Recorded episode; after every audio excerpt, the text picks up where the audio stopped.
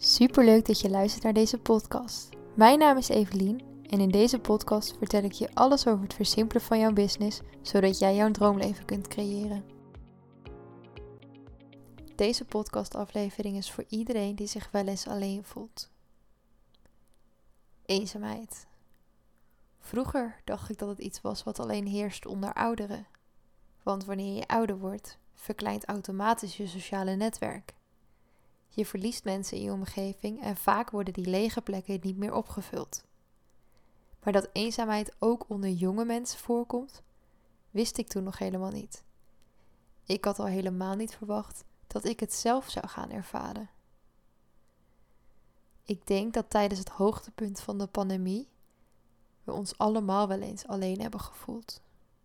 Ineens werden we afgezonderd van de sociale wereld. Met groepen samenkomen was niet meer toegestaan en evenementen werden afgelast. Toch weet ik dat er ook voor en na die tijd eenzaamheid onder jonge mensen heerst. Er wordt alleen lang niet altijd open over gepraat. Het is nog steeds een beetje taboe om je eenzaam te voelen, lijkt het wel. Het is overigens ook heel makkelijk om het te verbloemen natuurlijk. Je kunt je prima achter je telefoon verschuilhouden.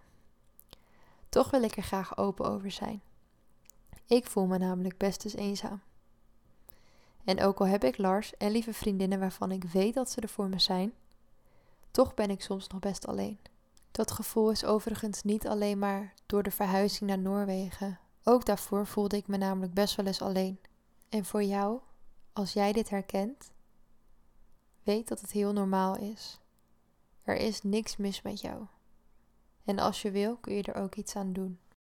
Het is niet alsof ik alleen ben opgegroeid. Op school ging ik altijd met mensen om en was ik eigenlijk nooit alleen. Toch was het bij mij wel altijd zo dat contacten snel verwaterden. Een soort van uit het oog, uit het hart, zal ik maar zeggen. En dat is overigens niemands schuld verder. Soms gebeuren die dingen nou eenmaal gewoon. Zelf ben ik bijvoorbeeld helemaal niet goed in het onderhouden van contacten. Ik ben graag alleen en ik heb veel tijd nodig om zelf op te laden. Actief afspreken is voor mij dus niet iets wat ik wil. Nu ik in Noorwegen woon, komt daarbij kijken dat ik een heel nieuw sociaal netwerk moet opbouwen. Opnieuw contacten leggen en vriendschappen afsluiten. En dat vind ik helemaal nog niet zo makkelijk. Ik weet nog wel dat ik altijd wel heel erg jaloers kon zijn als ik grote groepen vrienden zag. Ik vroeg me dan altijd af hoe anderen dat deden. Ondertussen heb ik een handjevol mensen om me heen verzameld die ik volledig vertrouw en bij wie ik helemaal mezelf kan zijn. De vriendschappen die ik nu heb zijn ook heel anders dan dat ze vroeger waren. Ik ben veel kieskeuriger geworden. Want ik vind het heel belangrijk dat een vriendschap twee kanten uitwerkt: geven en nemen. En dat je elkaar kunt vertrouwen en weet dat je op elkaar kunt rekenen. Er moet een bepaalde klik zijn. En misschien luister jij dit nu en voel jij hetzelfde als wat ik beschrijf. Misschien heb je juist heel veel mensen om je heen, maar voel je je alsnog eenzaam. Dan kan het zijn dat je die diepere connectie gewoon mist. Want eenzaamheid betekent niet alleen zijn.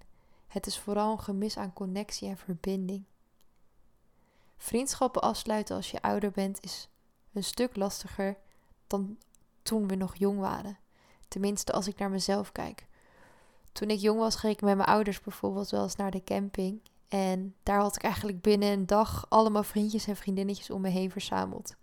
Meestal ging dat gewoon zo. hey, mag ik ook even op de schommel? Oh ja, waar kom jij vandaan? En zo ontstond dat gesprek. En tegenwoordig lijkt het allemaal veel moeilijker dan dat het vroeger was. Ik denk vooral dat het komt omdat we onszelf veel meer druk opleggen. Omdat we ook veel meer, ja, een soort van verwachtingen scheppen aan elkaar. We gebruiken natuurlijk allemaal social media die misschien oorspronkelijk bedoeld zijn om sociaal te connecten. Maar ondertussen zijn ze, ja, eigenlijk meer een middel geworden die ons verder bij elkaar vandaan verwijdert dan ooit.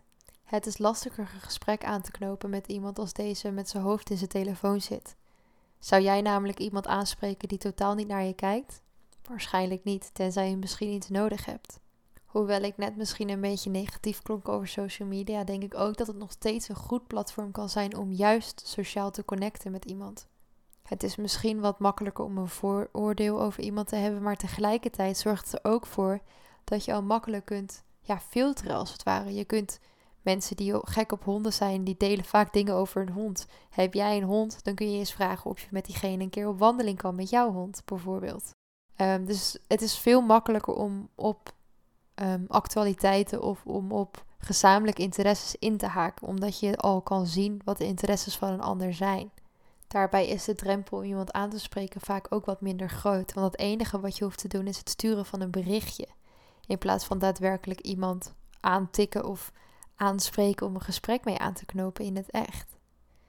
En toch vind ik die kleine gesprekjes bij de supermarkt bijvoorbeeld, die ik hier in Noorwegen een stuk minder heb omdat er een iets grotere taalbarrière is. Maar toch zijn die gesprekken ook heel leuk.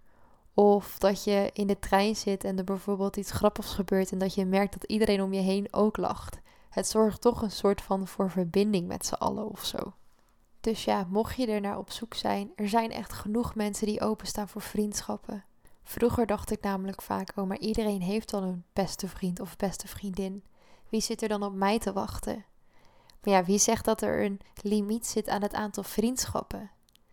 En wie zegt dat jij misschien niet veel beter klikt met iemand dan iemand die nu de beste vriendin is van die persoon? Niet dat je vriendschappen kapot moet maken, dat bedoel ik niet. Maar ook de mensen die misschien druk lijken of de mensen waarvan je het misschien niet verwacht, zijn mensen die openstaan voor jou. Weet dat je mij bijvoorbeeld ook altijd een berichtje kan sturen. Ik vind dat alleen maar super leuk. Maar in ieder geval weet dat als jij je wel eens alleen voelt, je echt niet alleen bent. Er zijn zoveel mensen die dat gevoel herkennen.